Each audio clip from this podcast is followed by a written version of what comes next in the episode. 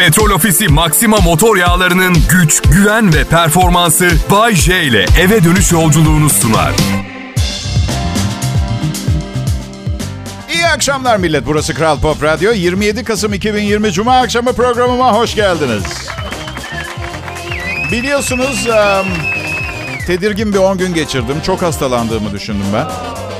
Derin tetkikler, tahliller, testler yapıldı. Kalbim temizmiş. Yok yok kalbimde bir sorun yok o anlamda. Ne kadar temiz olduğunu Allah bilir de. Damar tıkanıklığı anlamında şey yaptım ben. Doktorum endişe sorunum var dedi. Ben de Allah Allah doktor dedim. Şu sıra kimin neyi endişe edebileceği bir ortam var ki diye sor. Duyan da dünyayı tehlikeli bir pandemi sarmış, ekonomi çökmüş falan zanneder. Neyse canım şimdi kalp damarlarımı değiştirmek problem olacaktı. Bu kafayla ise 50 senedir idare ediyorum. Biraz daha götürür beni. Efor testi yaptılar. Puanım 11 çıktı. Nedir bu 11 dedim. İyisiniz iyisiniz. Anjiyoya gerek yok dediler. Tamam da 11 ne? Yani 20 alan var mı? Ben hırslı bir insanım. Yapmayın bana böyle. Düşükse bir daha çıkayım koşu bandına.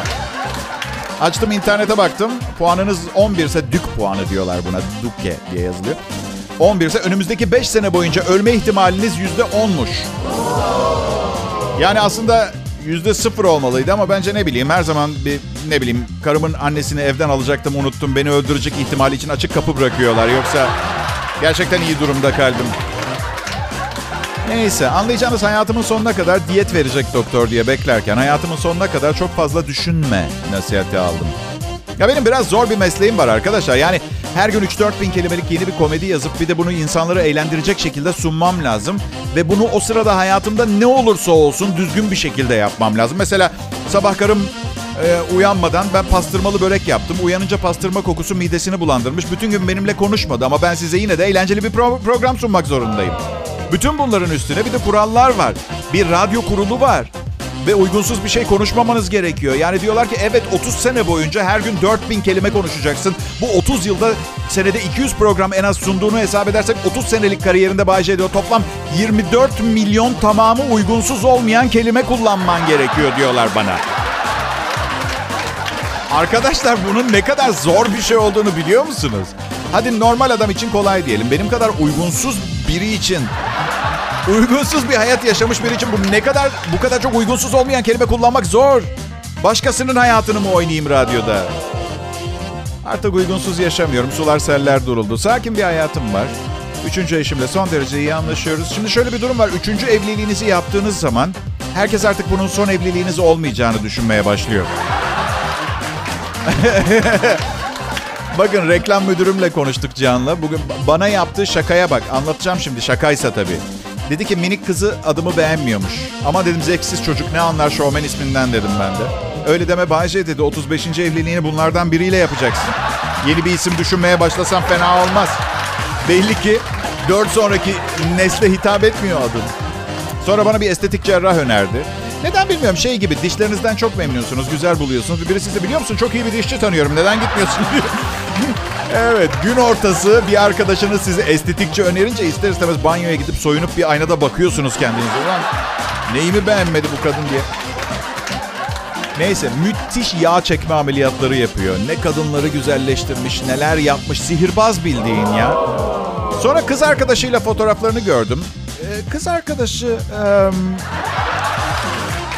yani biliyorum terzi kendi söküğünü dikemez eyvallah filan da.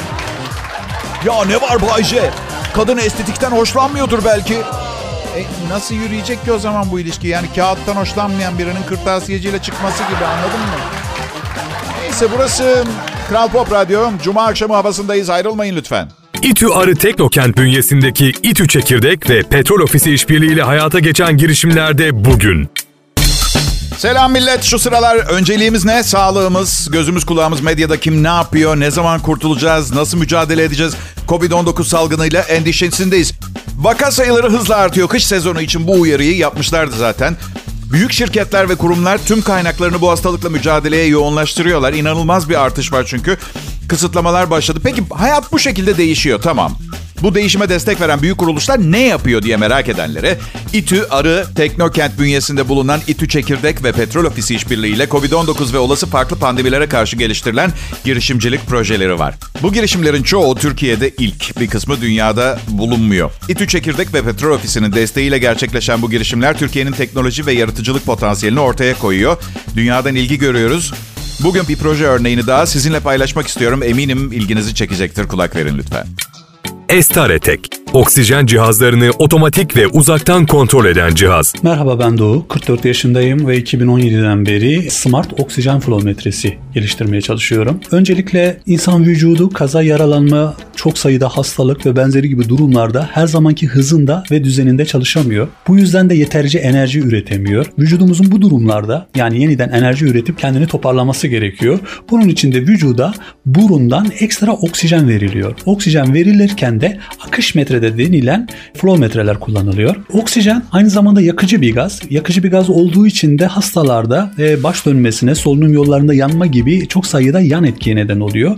Bu nedenle hastalar bir saat içerisinde belli dakikalarda dinlendirilmeleri gerekiyor. E, hastaya dinlendirmek için de hemşireler hastaların yanına giderek cihazı açıp kapamaları gerekiyor. E, bu da enfekte olmalarına neden oluyor. Özellikle bu pandemi sürecinde ve bu nedenle e, birçok sağlık çalışanımızı da kaybettik. İkinci olarak sağlık çalışanlarının hastayı kontrol altında tutması için değerlerini görmeleri gerekiyor. Yani nabzını, nefes ısısını, kandaki oksijen olgunluğunu falan. Şimdi bizler ürettiğimiz smart oksijen flow bu sorunları çözmeye çalıştık. Ürettiğimiz cihaz otomatik olarak çalışıyor. Otomatik olarak çalıştığı için de hemşirelerin ya da diğer sağlık çalışanların hastaların yanına gitmelerine gerek kalmıyor ve zaten bütün değerleri e, sensörler aracılığıyla ölçülüyor ve ölçüldükten sonra eğer hastanelerde ise yerel ağ, evde kullanımda ise internetteki portalımıza gönderiliyor. Sağlık çalışanları anlık olarak tüm verileri e, grafiklerle takip edebiliyorlar. 2017'den beri İTÜ Çekirdek aracılığıyla çalışıyorum ve bu yılın başında e, Petrol Ofisi desteği aldım ve bu sayede e, Smart Oksijen Flometresinin ARGE sürecini tamamlayabildim. Verdikleri destek için Petrol Ofisi'ne aracınızla teşekkür etmek istiyorum. İTÜ ve Petrol Ofisi'ne çok teşekkür ederiz ve bu pırıl pırıl beyinlere tabii ki. Bu gibi çalışmaların çoğalarak artmasını diliyoruz. Bir de unutmadan bir bilgi daha. Dinlediğiniz girişim gibi hem Petrol Ofisi tarafından desteklenen hem de İTÜ Çekirdek'te bulunan diğer girişimler 3 Aralık saat 13'te Türkiye'nin en büyük girişimcilik sahnesi Big Bang Startup Challenge etkinliğinde bir araya geliyor. Big Bang Startup Challenge bu yıl ilk kez online olarak düzenleniyor. Big Bang Startup Challenge'a kayıtlar bigbang.itüçekirdek.com web sitesi üzerinden yapılıyor. İlginizi çekecek, kaçırmayın.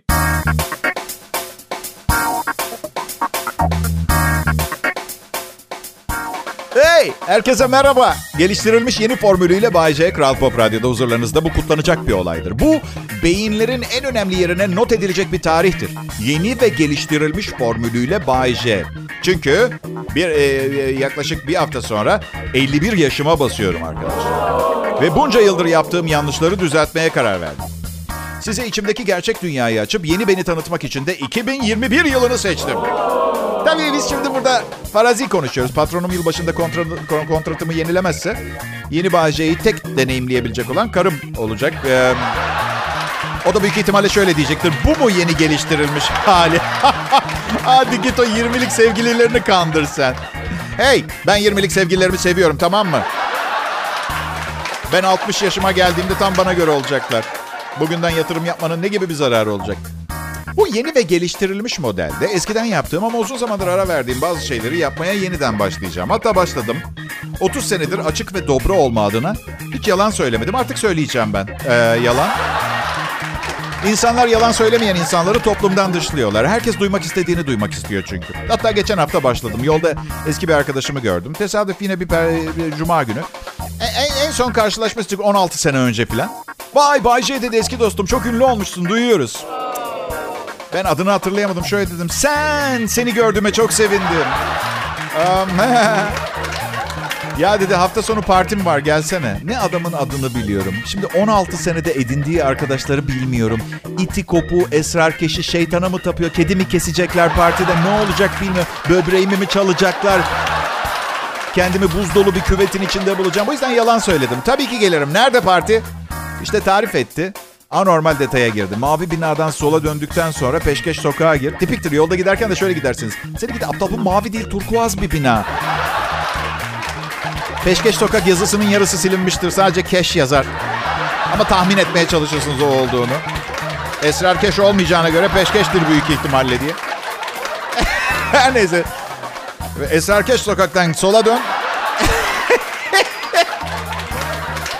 Neyse tabii ki gitmedim partiye. Ee, sonra yolda yine karşılaştım. Aynı adam bana dedi ki abi niye gelmedin partime? Bayce geliyor dedim. Bütün arkadaşlarım ve akrabalarım geldi seni görmek için. Hasta annem bile geldi tekerlekli sandalyesiyle. Aslında yürüyebiliyor. O akşam belki gelmezsin diye daha sonra ajitasyon yapmak için kendisinden rica etme. Herhangi bir tekerlekli sandalye değil. Deniz kenarında yaşadığı için paslı tekerlekleri itemiyor, yürümüyor bile. Ama sen gelmedin. Ya, ya çok üzgünüm dedim gerçekten. Yeni yalan geliyor bak. Partine gelmek için yola çıktım. Bir tekerleği uçtu otomobilimin. Arabam taklalar atarak bilmediğim bir yere doğru gidiyordu. Çünkü size kızan birini, e, yani size sinirlenmiş ya şimdi yalanla alt etmek istiyorsanız hayatınızın tehlikeye girdiğine inandırmanız gerekir. Özür dilemesi gerekiyor işin sonunda sizden, siz suçlu olmanıza rağmen. Bir yandan yuvarlanıyordum, bir yandan da içimden kahretsin, herkes beni görmeye gelecekti, partiye gidemeyeceğim galiba diyordum kaza sırasında. Tabii adam şöyle ya boş versene partiyi sen nasılsın? İyi değilim. Çok sevdiğim bir arkadaşımın partisini kaçırdım. Kral Pop Radyo burası.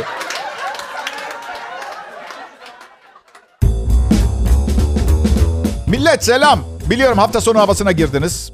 Keyfiniz nispeten yerinde ama ben bir acayibim.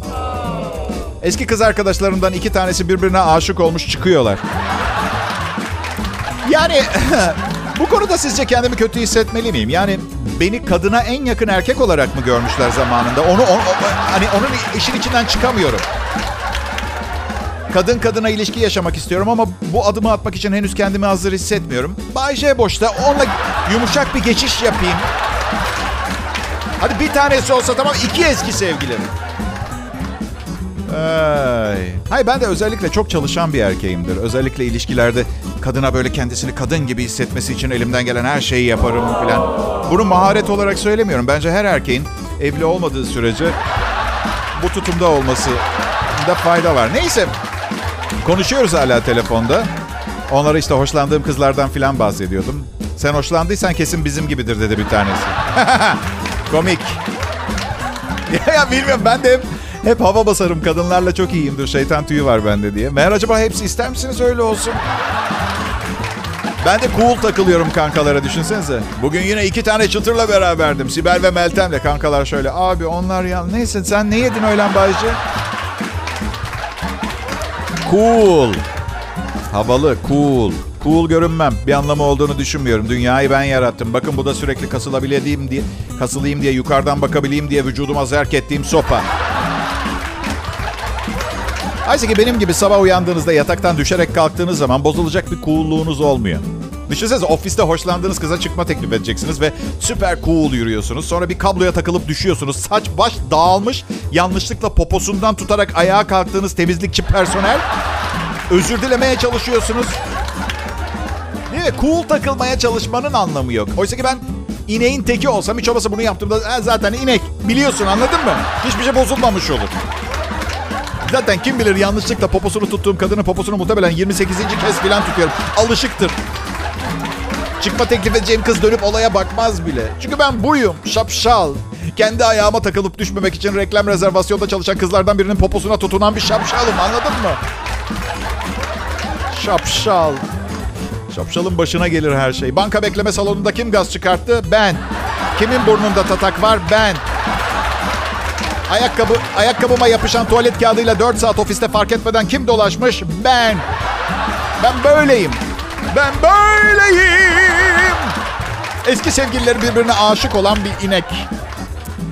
Manchester, İngiltere'de e, polisi insanların dürüstlüğünü test etmek için görevlendirmişler.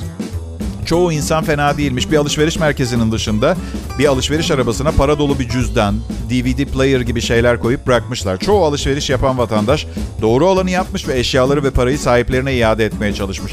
Sadece iki kişi hepsini arabalarına koydukları için tutuklanmışlar. Bu bir tuzağı gibi bir şey arkadaşlar. Gerçekten yani hani çünkü polis benim kafamda ülkelerde halkı korumak ve hizmet etmek için vardı. Demek İngiltere'de kandırarak hapse atmak fonksiyonu eklemişler. İnsanların da dürüst olduğuna inanmıyorum bu arada. Bence geri vermelerinin tek sebebi tuzağa düşürülecekleri paranoyasını falan yaşamaları. Ben de radara yakalandığım zaman lanet ediyorum. Beterin beteri varmış. Bu arada DVD player bırakıyorlarmış ya. Çok eskide kaldı bebeğim. Ya son model bir iMac koyun bakalım ne oluyor. Kim alacak ki DVD player'ı? Bak, bakın Manchester iyi bir şehir. Her büyük şehirde polisin böyle zırvalarla uğraşmaya vakti yoktur. Çünkü düşünsenize Suçlular kol geziyor, kara para aklayanlar, komployla suikast planlayanlar ve yukarıdan bir emir geliyor. Bugün iş yok, bugün insanları kandırarak tutuklayacaksınız.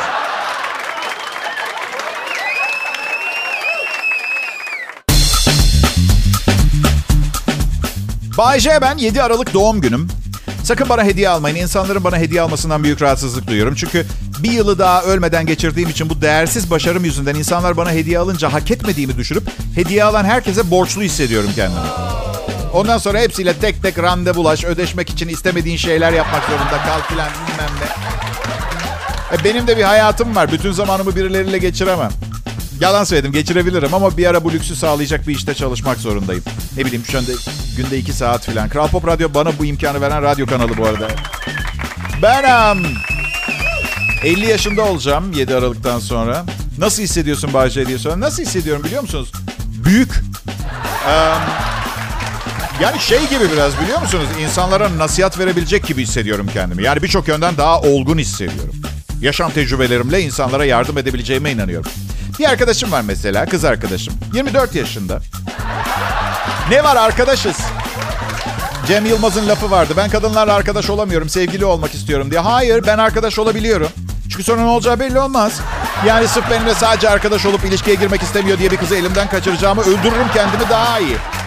Neyse bu 24 yaşındaki kız arkadaşım çok üzgündü çünkü erkek arkadaşına bir başka kız çıkma teklif etmiş. Çocuk da kabul etmiş. Ne dedin dedim. Çok üzüldüğümü söyledim dedi. Yani tabii özgür bir erkek karar vermekte serbest ama bu olay benimle çıkarken olduğu için kalbimin kırıldığını söyledim. Kızım dedim ne yapmışsın ya? Bu işler böyle olmaz. Bir kere önce onun yakın bir arkadaşıyla arkadaş olan bir arkadaşına onun nasıl bir pislik olduğunu anlatman gerekiyor. Sonra ben okul çıkışı bir gün gelip arka bir sokakta e, onu sıkıştıracağım ve yeni sevgilisinin aslında benim sevgilim olduğunu söyleyeceğim. Arkadaşlık budur. Sonra spor salonunda kıyafetlerini çalıp bütün gün o kısa şortla inek gibi dolaşmasını sağlayacağız. Her önüne gelene ne kadar berbat öpüştüğünü, ağzının koktuğunu söyleyeceksin. Çünkü bebeğim, kuzum, güzel cicişkom. Dünyada iki koşul için bir kural vardır. Savaşta ve aşkta her yol mümkündür. Hani derler ya, ayı saldırırsa yere yatıp ölü taklidi yapacaksınız diye. Ben katılmıyorum. Ben muhtemelen ayıya saldırıp gözlerine oymaya falan çalışırdım. Siz harekete geçmezseniz, her şeyi karşı taraftan beklerseniz sadece karşı tarafın istediği şeyler olur. İlişkilerde başarısız olmayın diye ama ilişkilerden çok bahsediyorum diye içiniz kıyılmasın diye girdiğim Angarya'nın farkında mısınız? Bu arada bildiğin ayıların gizemli dünyası belgeseli diye başlayıp ona kişiliğinizi gösterin tek taraflı bir ilişki olmamasına olmaz olmasına getirdim. Kusura bakmayın bu yaptığım övgüyü hak etmiyor. Kim pardon Einstein mı övgüyü hak ediyor? İcadıyla Hiroşima havaya uçtu. Ben Sibel'le Kemal'in ilişkisini kurtardım belki bugün.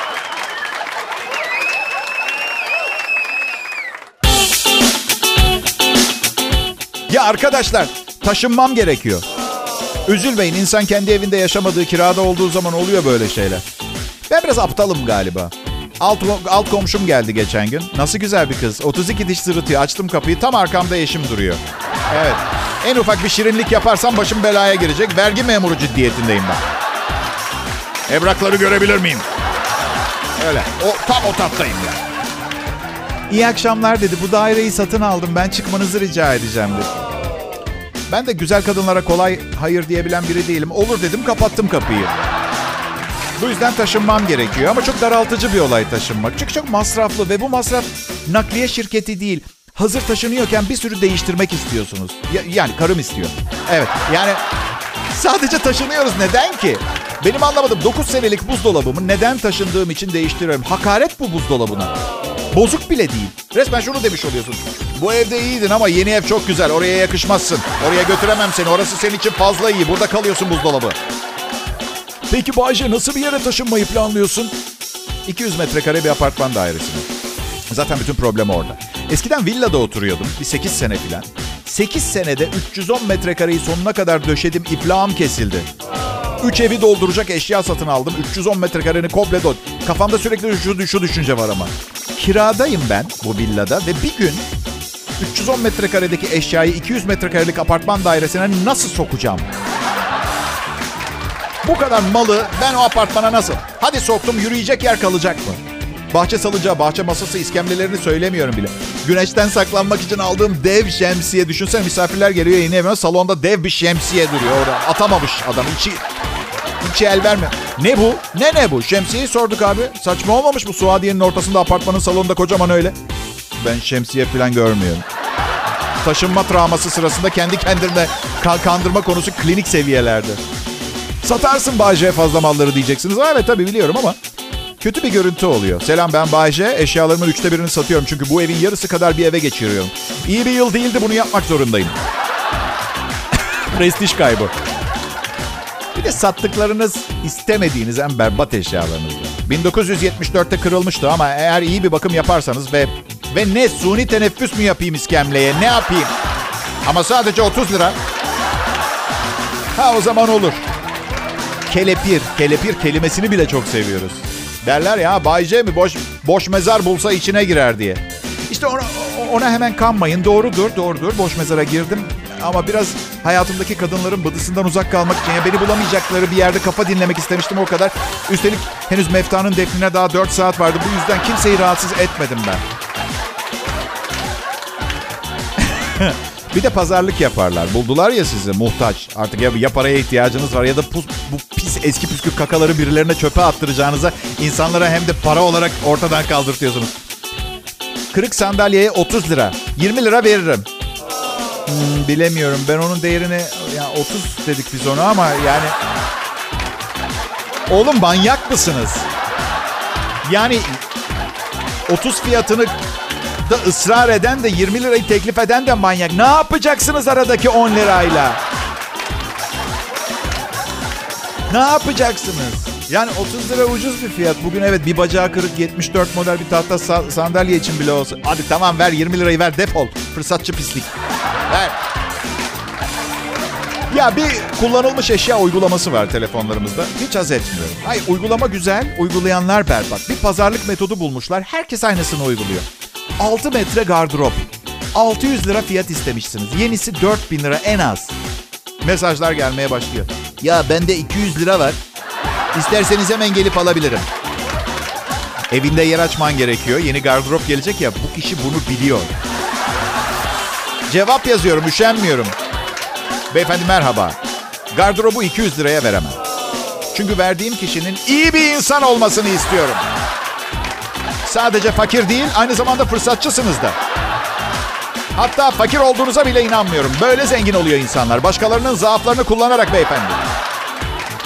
Ama beyefendi, karma denen bir şey var. Ne ekersen onu biçersin kardeş. Yarın bir gün en çok ihtiyacın olduğu zaman da senin gibi kalleş, arkadan vurmayı seven biri senin 4000 liralık gardırobunu 200 liraya kapatmaya çalışacak. İşte o zaman geriye dönüp baktığında pişman olmak istemiyorsan şimdi git bir yerden 400 lira daha bul gel gardırobu al bu olanları unutalım.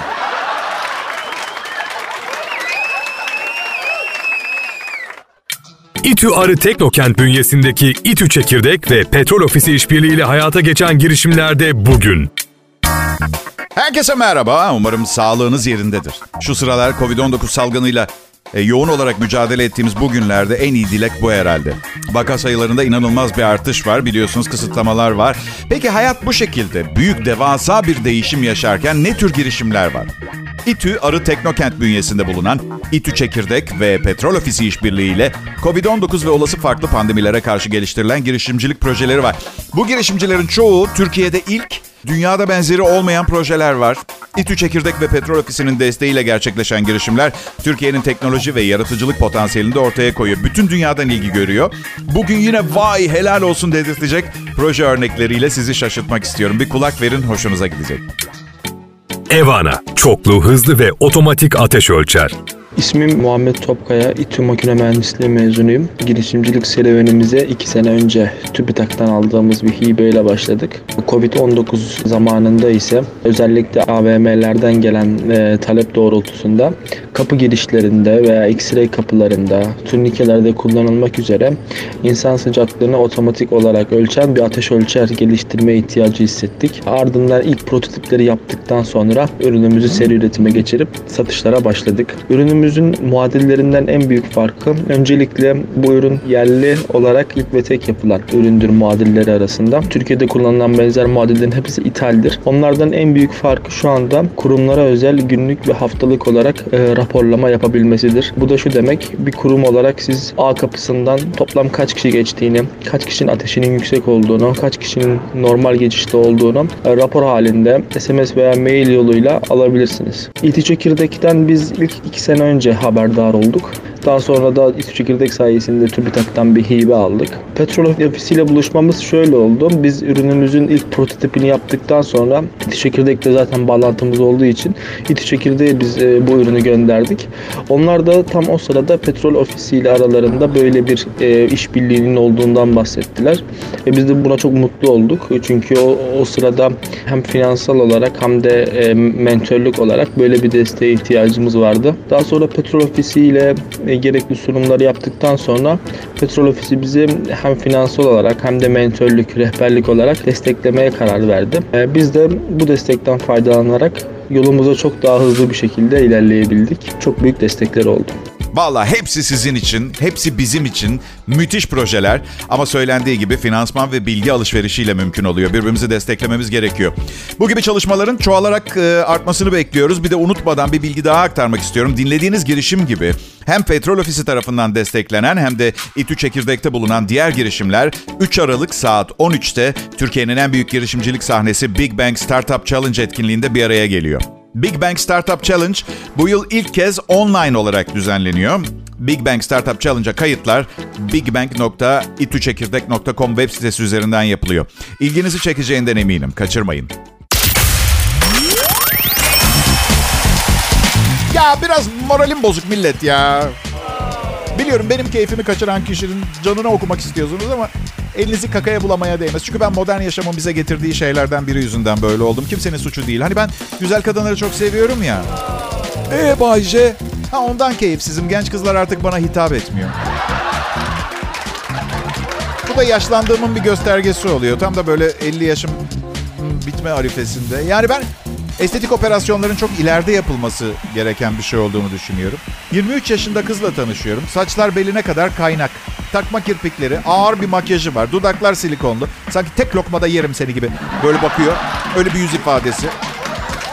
Göğüsleri statik. Sadece tek yöne bakabiliyor. Çünkü plastik yani. Sürekli şöyle bir ifade. Kaptan ateşe hazırız. Emirlerinizi bekliyorum. Ne şimdi bu? şimdi güzellik mi? Yani bir de bir de gerçek var ki. Yani neden kadınlar sürekli estetik ve makyaj yapıyor? Çirkin olan biz erkeklerken. Ha? Onu da anlamak çok zor. Ha? Hadi beyler yapmayın. Yani en azından ne bileyim burnumuzu küçük göstersin diye bir allık falan sürebiliriz. Yani hem insan içinde yoksa makyaj yaparak tercihleri değişmez. Böyle böyle şeylere takılmayın artık bu zamanda. Yaklaşık bir ay sonra yeni yıl geliyor arkadaşlar. Woo! 2021. Feng Shui felsefesi 2021 için ne diyor diye baktım. Umut ve yenilenme yılı diyor. Sükunet, armoni ve barış diyor. Feng Shui'nin ne olduğunu bilmeyenler için hemen yardımcı olmaya çalışalım. Feng Shui eski Çin, Japon, Tayvan. Yok Çin, Çin. Çin manastırlar, evli, evlerinde kullanılan bir şaka bir yana. Çinlilerin eski bir filozofik inancı bu. Evlerdeki fiziksel objelerin belli pozisyonlarda yerleştirilmesinin ev sahiplerinin talihini pozitif yönde etkileyeceğiyle alakalı. Abartmayın ansiklopediden baktım. Biliyordum ne olduğunu ama bu kadar akademik bir tanım yapmama imkan yok ki. Ben DJ Akademisi'nden mezunum. Çin Felsefeleri Fakültesinden değil. Belki o zaman bile yapamaz. Keşke olsaydım. Kim bilir kızlar nasıl etkileniyordur. Evet bebeğim sana kıyafetlerini şans getirecek şekilde giymeyi öğretebilirim.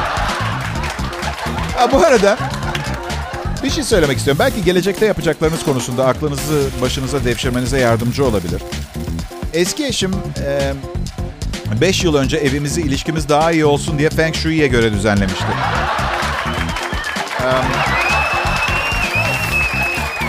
Bunu sonra boşandıktan sonraki 16. sevgilime anlattım. Gülmekten yarıldı. Eşime son eşimden sonraki 16. sevgilinden bahsedince hiç gülmedi, hoşuna gitmedi. Çünkü eski karımla boşandıktan bir ay sonra çıkmaya başladık. Ne ara oldu bunlar diye sorup duruyor. Ben de maalesef işin en başından başlayıp ona termodinamik yasalarını anlatmak zorunda kaldım. En basit kanununa göre eğer iki sistem birbiriyle etkileşim içerisindeyken aralarında ısı veya madde alışverişi olmuyorsa bu sistemler termodinamik dengededir. Bu sıfırıncı kanun. Birinci kanun bir sistemin iç enerjisindeki toplam değişim sisteme verilen ısıyla sisteme çevre tarafından uygulanan iş toplamıdır. Anladın sen? İkinci kanun. Bir ısı kaynağından ısı çekip buna eşit miktarda iş yapan veya başka hiçbir sonucu olmayan bir döngü elde etmek imkansızdır. Üçüncü ve son kanun. Sıcaklık mutlak sıfıra yaklaştıkça bütün hareketler sıfıra yaklaşır. Tam bir tam bir evlilik tanımı olmamış mı? hiçbir şey anlamadı ama eşim hiçbir şey anlamadı ama konu uzayıp kapandı. Ben de istediğimi almıştım. O da yorgun. İyi hafta sonları millet. Petrol Ofisi Maxima motor yağlarının güç, güven ve performansı Bay J ile eve dönüş yolculuğunu sundu.